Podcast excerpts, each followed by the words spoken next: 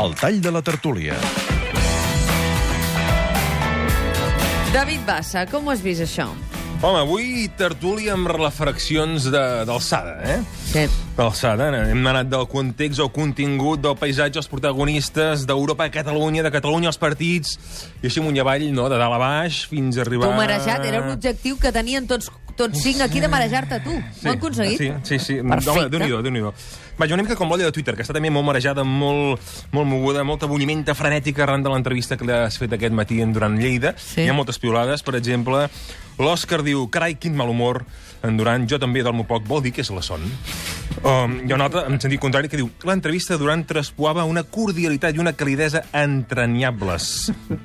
Perdona? Ironia, ironia. Sí, una l'assumpte l'assumpte Montellà, per exemple, diu si el pare de la criatura de la tercera via no s'explica, o té por de la Mònica, Que o no és tot cas. és fum.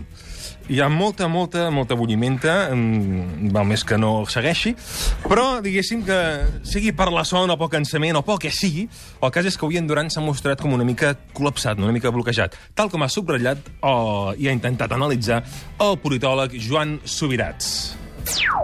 És un moment de, de gran... Bueno, s'ha vist amb l'entrevista amb el Duran Lleida. Un moment, diguem-ne, de situació superbloquejada en què els vells paradigmes, i anava a dir els vells polítics, els hi costa molt trobar sortides en aquest, en aquest nou tauler d'escacs que es mou amb una rapidesa molt gran, no?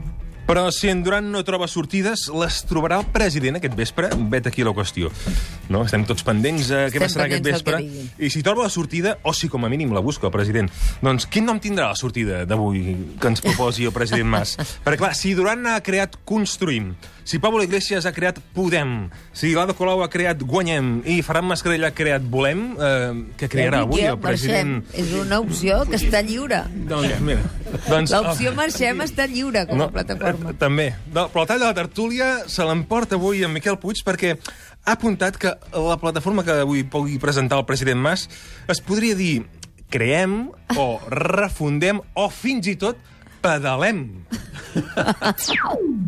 Artur Mas és un senyor que va amb una bicicleta, les bicicletes no poden parar, i com més fort bufi el vent, més de pressa hi has d'anar. I en aquest moment el vent li està bufant molt de pressa, eh? perquè té una querella, té una situació política tremenda, el partit està pendent d'una sèrie d'un judici per corrupció, etc. Vull dir ell ha de córrer.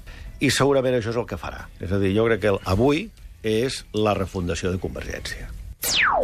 Uh, aquesta és l'opció de Miquel Puig, però Joan Subirats estava dient Esprintem. esprintem, seria una altra opció. Salvador Cardús, moltes gràcies, Joan Major, gràcies. Tots els altres ballem. Tots els altres ballem, exacte. Xavier Olsina, encantada que ens hagi acompanyat avui com a tertulià puntual. David, fins ara. Fins ara.